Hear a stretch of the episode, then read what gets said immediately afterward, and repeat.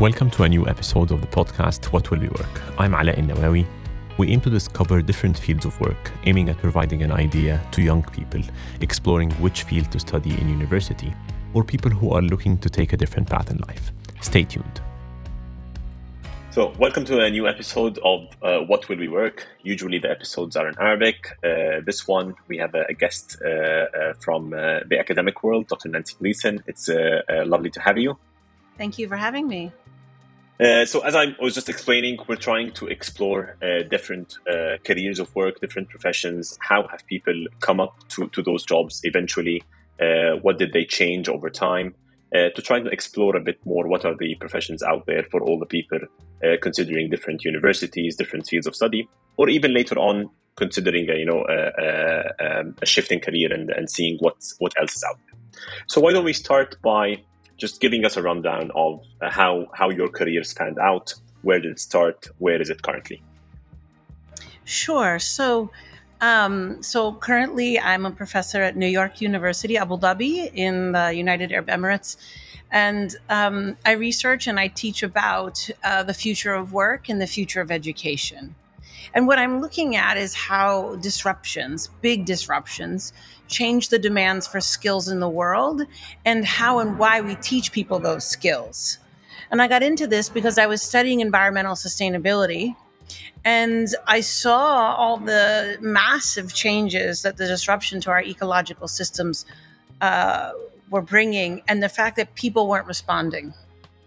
Um, and I got into it and I started caring about the environment and studying the environment, geography, geology, history, culture.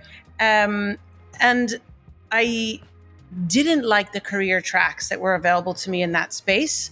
So I made a couple of changes and, um, you know, I, I ended up where I'm at working on the future of work and thinking about automation and how those things disrupt disrupt who we employ and what skills you need to have a job the same way that a lack of environmental sustainability does. So although i was studying environmental sustainability this other issue became something people were more willing to act upon and it it pulls on the same um, areas of complexity in, in getting governments and individual citizens to care at the same time. So what I, I guess ultimately realized when I was younger but didn't know how to act on was that I enjoyed knowing about the world. And I remember in my early 20s, I just I sat there, I was saying to some one of my friends, I said, I wish there was a job where I could just get paid for knowing stuff.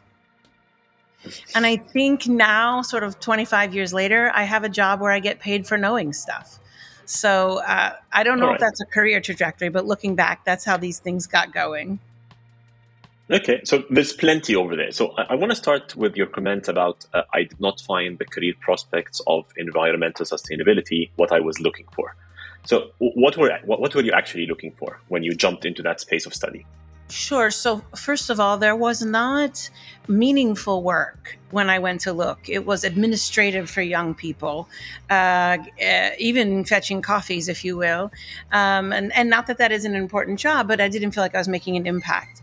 I felt like a lot of the so so called green jobs at the time were greenwashing. Um, I took a brief job related to environmental permitting, and I really felt like I was just fast tracking big construction projects. I wasn't actually helping the environment or people associated with the environment, and that job was in the United States. So I specifically mean indigenous populations that were being uh, moved aside for environmental for for big projects. Um, and I didn't find a salary that was maintainable. It just wasn't there. And, and so I lost passion. And so I went back to school. Okay, and and you went back to school, and what I noticed you did uh, economics. Uh, after I that. did. I did a uh, master's in economics, yeah. and it turned out that that wasn't employable either.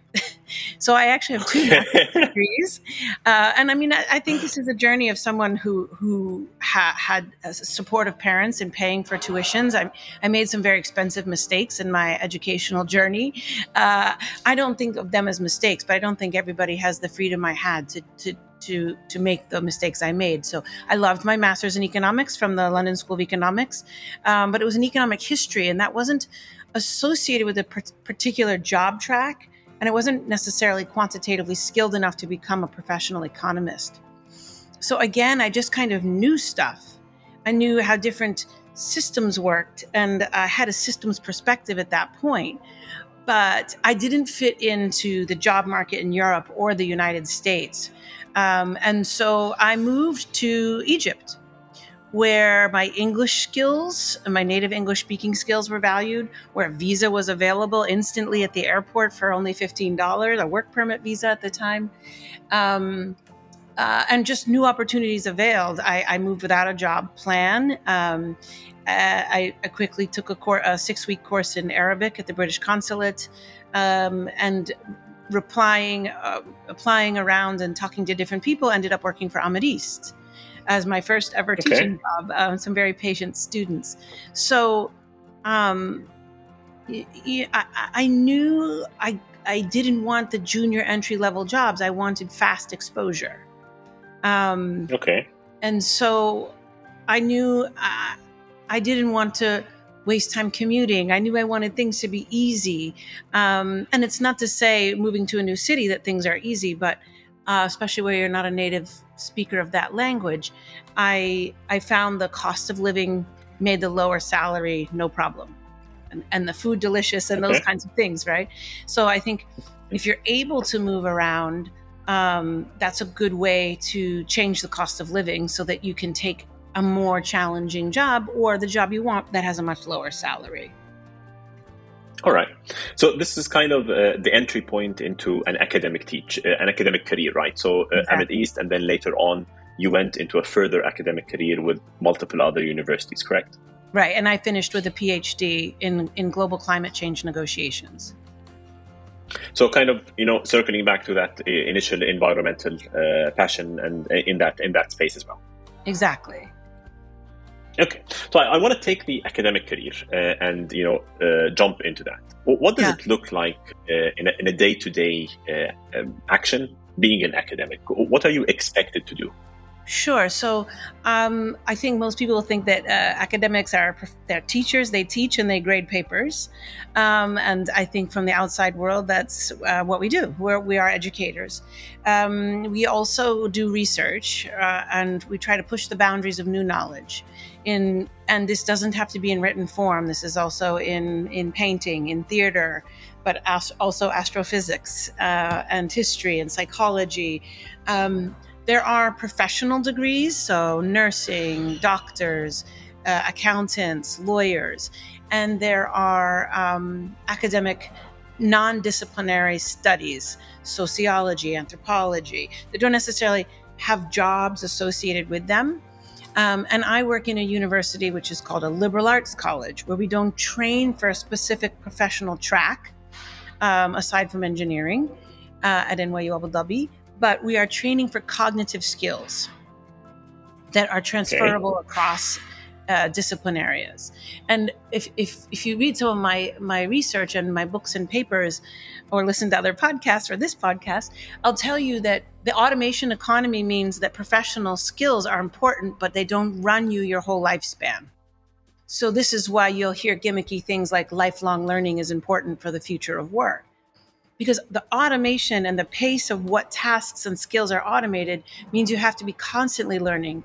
And even if you have the opportunity to get a four year degree, it will not be sufficient to keep you gainfully employed or even psychologically thriving throughout your life. All right. Now, on the point of research for for an academic, how do you drive what you are going to research? So, I'm, I'm guessing the university would have an agenda uh, of topics that they want to focus on. You also have your own personal uh, objectives and passion. Does the corporate world as well come into that space, or it's so, a purely research driven? I mean, I, I hope it does. So, the corporate world comes into into the academy in different ways in different countries. But philanthropy is huge, and most companies are required to um, give back to society in in whatever way um, is appropriate. Sometimes it's the individual CEO who makes a donation in his or her name. Um, I'm not uh, talking about from a donation perspective, but from a topic of research perspective. Right. So so if they fund a school uh, in okay. their name, that's where the research goes. Um, so that's one okay. thing. But then there are grants, and we apply for grants. But when a university hires you, um, if you're lucky enough to get into the ones with the funding to do so, they will fund your individual research. And they hire okay. based on the desire for the research to go in that area. And they will typically hire in clusters of slightly related connected experts. So, for example, at NYU Abu Dhabi, we have a lot of people working on space but some of them are uh, fashion designers that are making breathable suits. Some of them design, um, you know, mess with oxygen. Some of them mess with the rockets. Some of them mess with fuel. Some of them mess with solar panels. So that team together is necessary to have a coherent understanding of what's happening in the space economy. Um, okay. So, so we hire and we research in cluster areas. Okay. And uh, as a as a, an academic, are you expected to produce uh, uh, research from a? Is it measured quantitatively or just purely oh, this is a quality? Question. Uh, and I can I can answer across the UAE here. It depends on the institution, but it all, all, universities in the UAE, the journal has to be what's called Scopus recognized. It has to be cataloged in Scopus, which is a ranking organization. Um, and uh, the more prestigious the journal, the more it's valued by different institutions. So some institutions will just say, no matter what, you have to have two journal articles a year in a Scopus recognized piece. Now, as you get more senior, you may have some flexibility. So I enjoy doing podcasts and um, op eds in newspapers and magazines, and we might view this as contributing to the public discourse as opposed to um, uh, publishing a different type of research that's less accessible to the general public, but pushing a discipline forward behind a paywall journal. Okay. And how does the research job change from your early academic years, maybe as an associate, uh, mm-hmm. uh, as someone who has not yet done his uh, his or her master's degree, PhDs, to, to your current status right now? Oh, this is an excellent question. So, um, as a PhD, you're already sort of thinking about do you want to be a teacher or a researcher or both? And there's different types of schools and different types of tracks for those things. And we have some great universities here in the UAE which focus almost exclusively on teaching. Um, but you need to have a discipline in order to be a good teacher in that field. It creates depth. It creates. Uh, you need to know about the recent developments in your disciplinary area. So even if you're in a teaching-heavy institution, you, which means you teach so much you don't have time to pursue your research, um, you still are expected to keep up with it. So, as a junior faculty member who may be seeking what we call tenure, once you have tenure, you can't be fired. Um, that takes seven years. Uh, and on the seventh year, you're reviewed whether or not you get tenure. If you don't get tenure, you have to move on from the institution. Um, if you do get tenure, they can't fire you. Um, but there are many other types of contracts within a university, and typically, a university can have anywhere from, you know, uh, uh, 50 to 40 to 30% tenure faculty, and the rest are some kind of on some kind of shorter term contract.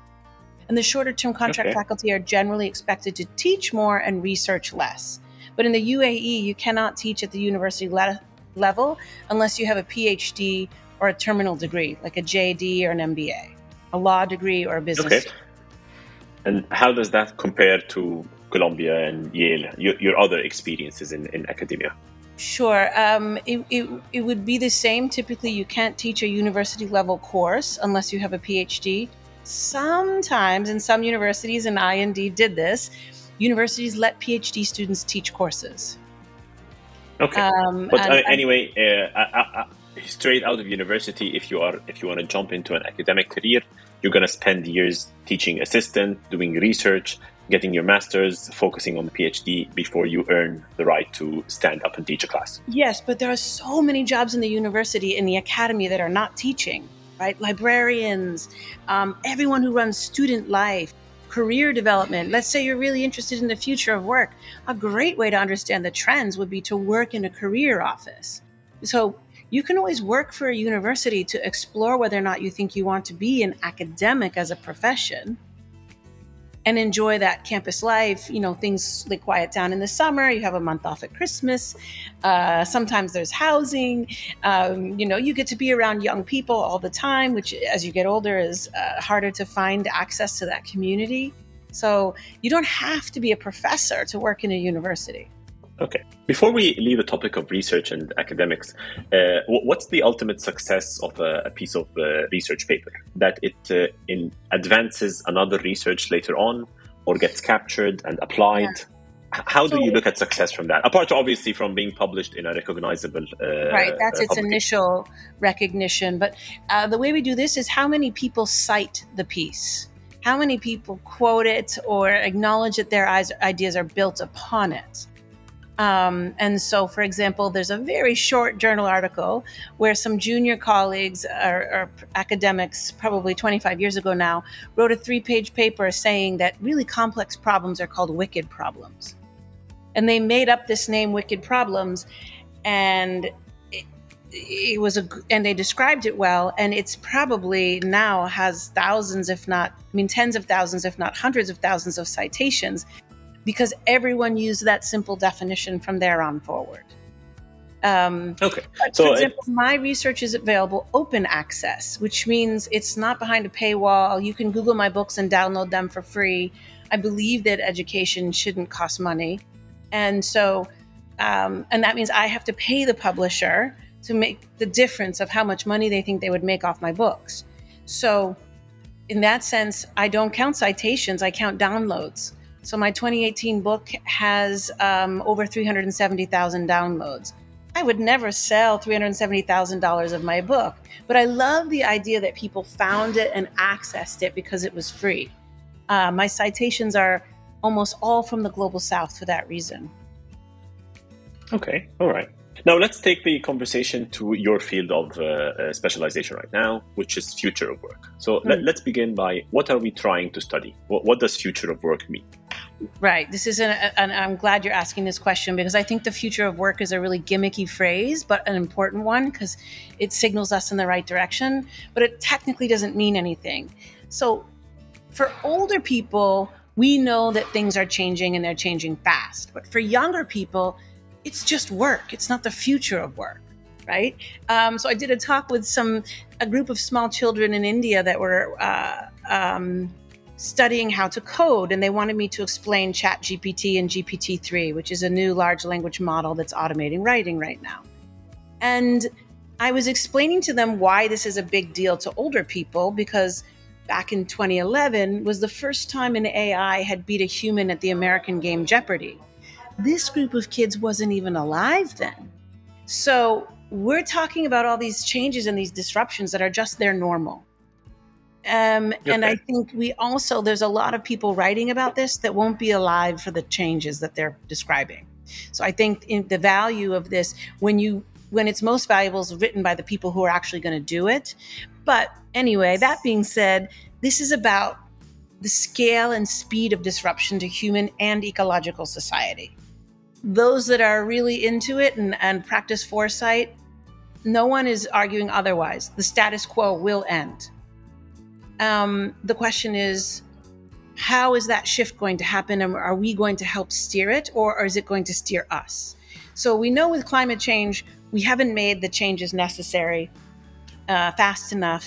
Uh, and it is already steering many people's lives into disruption, billions of people's lives. With, with this new um, phase transformation that we're in due to large language model capabilities that are evidenced by GPT 3, we see that the fourth industrial revolution is fully here, right? And just because I'm using some jargon, I'll explain. The fourth industrial revolution is a combination of technologies AI, robotics, uh, augmented reality, virtual reality, 3D printing, uh, and a few others, uh, distributed ledger technology or blockchain and the Internet of Things. Together, these are changing what it means to be human and they're changing the future of work. So, GPT 3 is an example that those changes have arrived and that the automation of human cognitive tasks is now here. For example, when that came out, it instantly ended the essay mills that exist in many countries around the world that, that charge money for cheating and writing papers for students. They were instantly okay. automated. So that's 20,000 people in Kenya alone that we know of right? And these are well documented around the world, instantly automated. Um, but but so many other things. You don't need to write tweets anymore. You don't need um, social media content. Any content developers were just automated. You might need editors, okay. but you don't need to develop that content anymore. So, are we just uh, in the future of work studies focusing on uh, the jobs that are going to be, you know, changed or replaced by the combination of those things, or no. also indu- industries that do not kind of exist right now that might emerge uh, in that space? Absolutely, but also even if the industries emerge, we might not be doing the work. So, for the first time ever, we have economic growth without job growth. So, you're seeing viability of the four day work week, you're seeing viability of um, what's called universal basic income, where governments pay their citizens. Um, but definitely, uh, it's a future. The future of work is about humans plus technology. So, okay. So uh, you're going to work with the machines and the algorithms, not separate from them. Okay.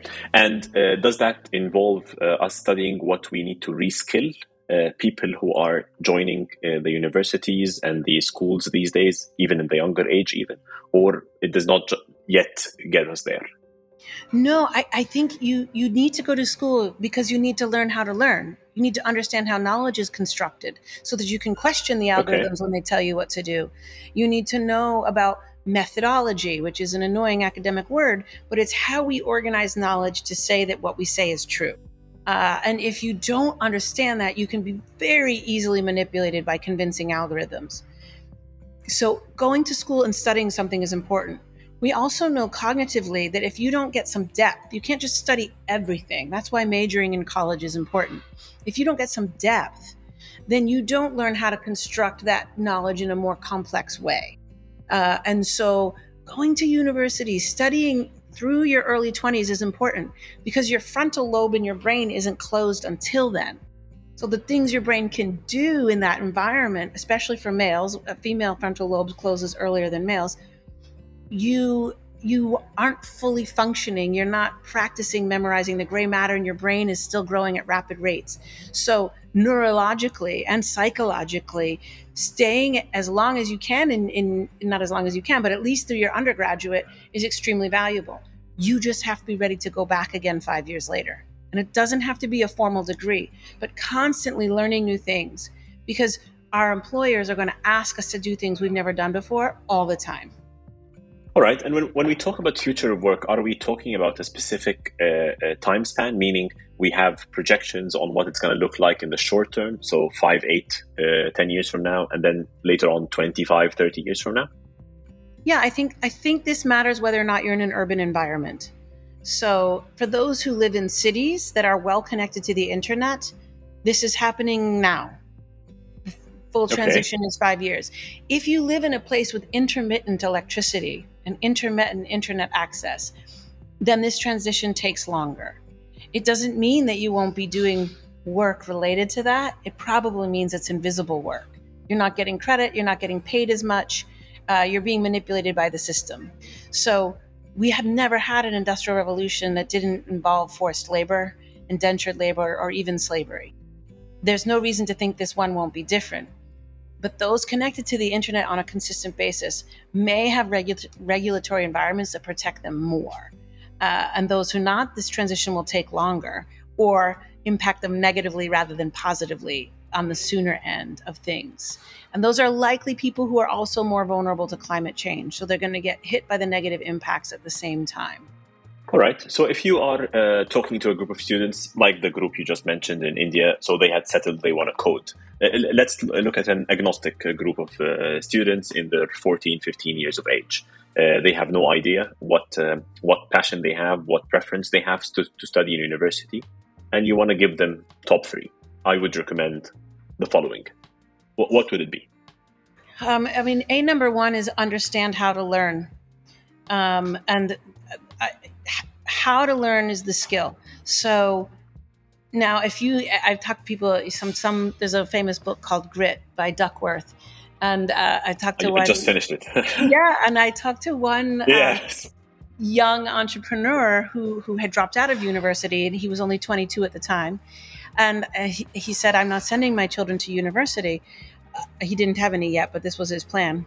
And I said, why? And he, and, um, essentially he said everyone says you have to have grit to survive and succeed and you have to learn that in university. He's like but every poor kid knows what grit is and doesn't need university to tell them. Uh, and that stuck with me.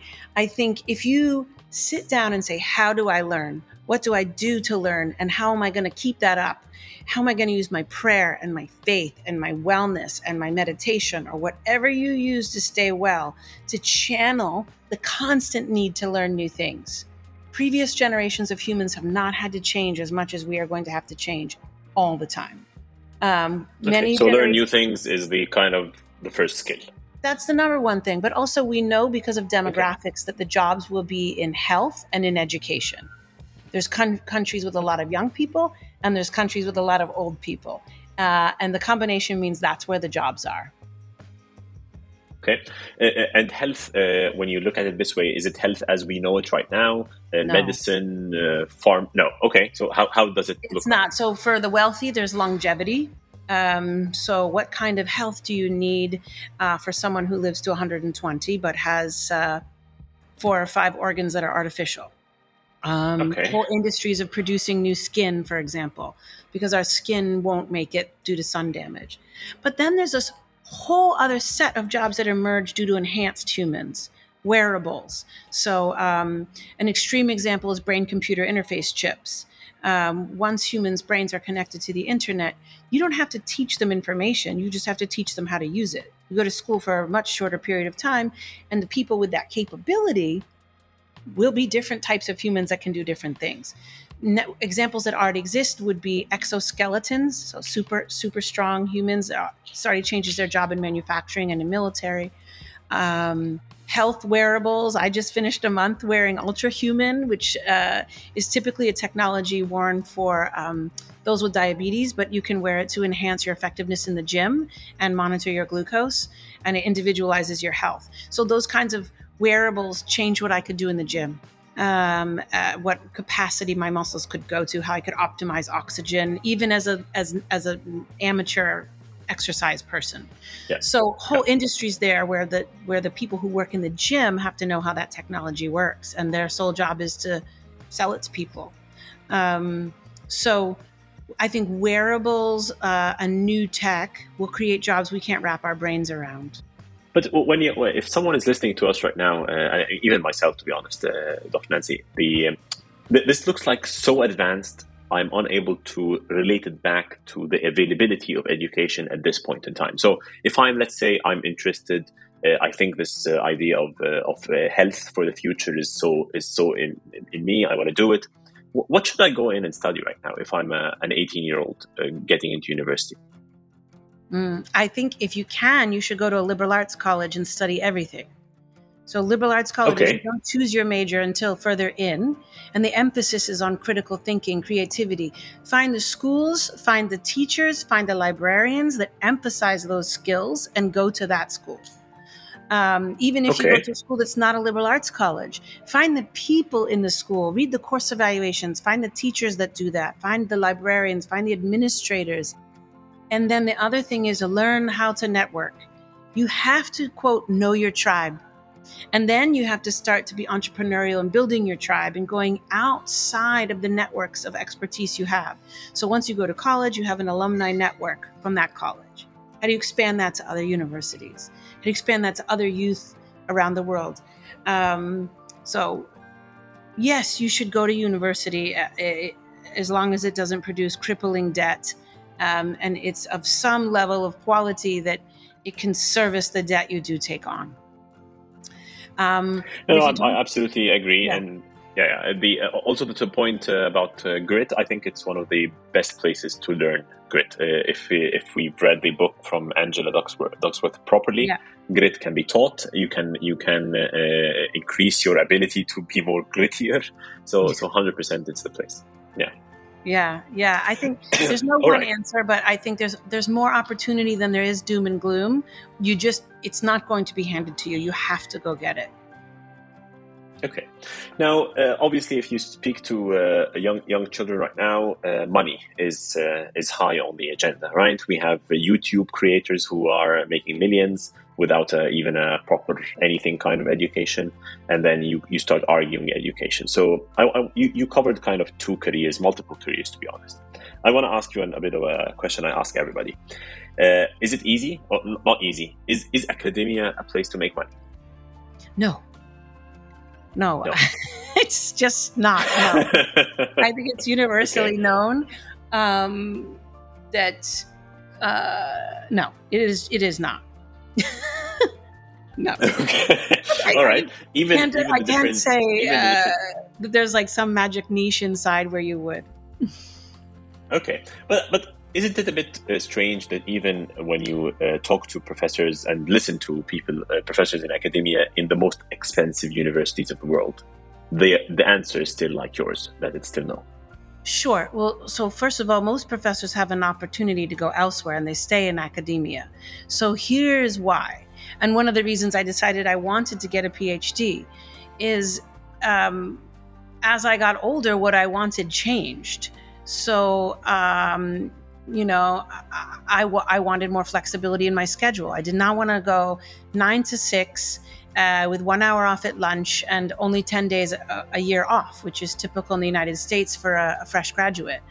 Then, as I got older, I wanted more time at summer off. And then I didn't want to lose time with my family commuting as I got older. And I couldn't afford to live in the downtown areas. And then I wanted to live in a safer place because the downtown areas weren't inviting. Um, and then I wanted to work in a place that, at least in intention, made people's lives better uh, and question the status quo. And the university has afforded me all those things. So it's never, I mean, once you're educated, you have more agency in deciding what it is you want to balance the commute time with the boss you like, the time with your family with the boss you don't like. Um, you know, an office with a window versus a big open room where you don't like the air. You know, you you're trading off benefits, pensions, savings, um, but a flexible work week for me was hugely important in raising a family. Uh, and obviously, I don't know that I could get paid more somewhere else, but uh, I chose academia knowing that that given my skill set, probably there was a higher salary with longer hours elsewhere. Okay. Is it too tough to ask uh, a teenager to realize and make a decision uh, like this too early in their life? I mean, I think that that's the wrong. I think it's not too tough, but it's a lie. They're not choosing because they can't stay in that job forever. That's how our parents and grandparents okay. did it. And the education system still makes them choose. And that's why I say you have to go back, but not necessarily to university. So, yes, you might major in international relations and not become a diplomat. That's highly likely an outcome, right? So, okay. what you get from it is critical thinking, knowing how to write, cultural awareness, uh, global content knowledge. Uh, maybe you, you know, have cultural sensitivity that's beneficial in other contexts. So, understanding the skills you gain, regardless of the content you learn, is key. Okay, and uh, I, I, constantly have this discussion whether uh, after you graduate university, regardless of what you studied, uh, that you continue to be a generalist for the, in my view, the shortest time possible. And, and you need to quickly find your niche. Now, obviously, your niche can be your niche for five, six years. Then you realize, I, it's not me anymore. I'm gonna go start a new niche. That's fine. But you need you need to cut down the generalist time as much as possible. What do you think? Um I think it depends on the quality of the generalist education you have, because um, I think it's good to focus. We know cognitively this this is what we call um, it gives you some, the knowledge you gain something to stick to. You have to know something to be able to question everything else around it, and um, I think the skill you have to develop is called transfer. You have to understand how to transfer experiences in one context to new and novel contexts. So if you go to a, get a two-year degree to become a hairdresser as, a, as an associate's degree, that's fine. But if you stop being a hairdresser because robots start doing it, you have other skills. You have customer service. You have uh, managed time management. You have um, I, I don't know, some other skill. You could end up being working in a veterinarian hospital after that. So, how do you transfer the context if all of a sudden hairdressers are automated? Um, okay. All right. right. So now, if you look back uh, on your uh, journey, right, so far, uh, would you, if you would not known that you were going to uh, be at this point in time studying future of work, uh, this is going to be kind of your your thing at the moment with how uh, how far deep it is. Would you have done something different at the beginning? Um, that's a tough question. Um, I don't I don't regret anything, but I think I would have liked to have known that my career wasn't going to define me. And I don't think I understood that as a youth because I hadn't said goodbye to enough people yet that were elderly and had had full lives and were looking backwards. And they didn't care whether their careers took them to the top of that area or not. They cared about grandchildren, uh, uh, the purity of their faith, um, other things. Then they took pride in their careers if they had them, but it didn't make you less human if you didn't have one, of course. Uh, and I had been growing up in a in a context and a time where your career defined you. You know, when you when you met a marriage partner, they didn't ask in my culture, you know, what does he do? What does he believe in, or who are his parents? They asked, what does he do? It defined that was first on the list. So, and I know that's different in different cultures, but I think we need to move away from careers defining you, or we will be sorely disappointed. All right. Now, to close with this, uh, it's not meant to be a philosophical question, but uh, what, what, do you want to leave behind, uh, Dr. Nancy? Uh, yeah. Not from, just from a legacy perspective, but what do you want to impact?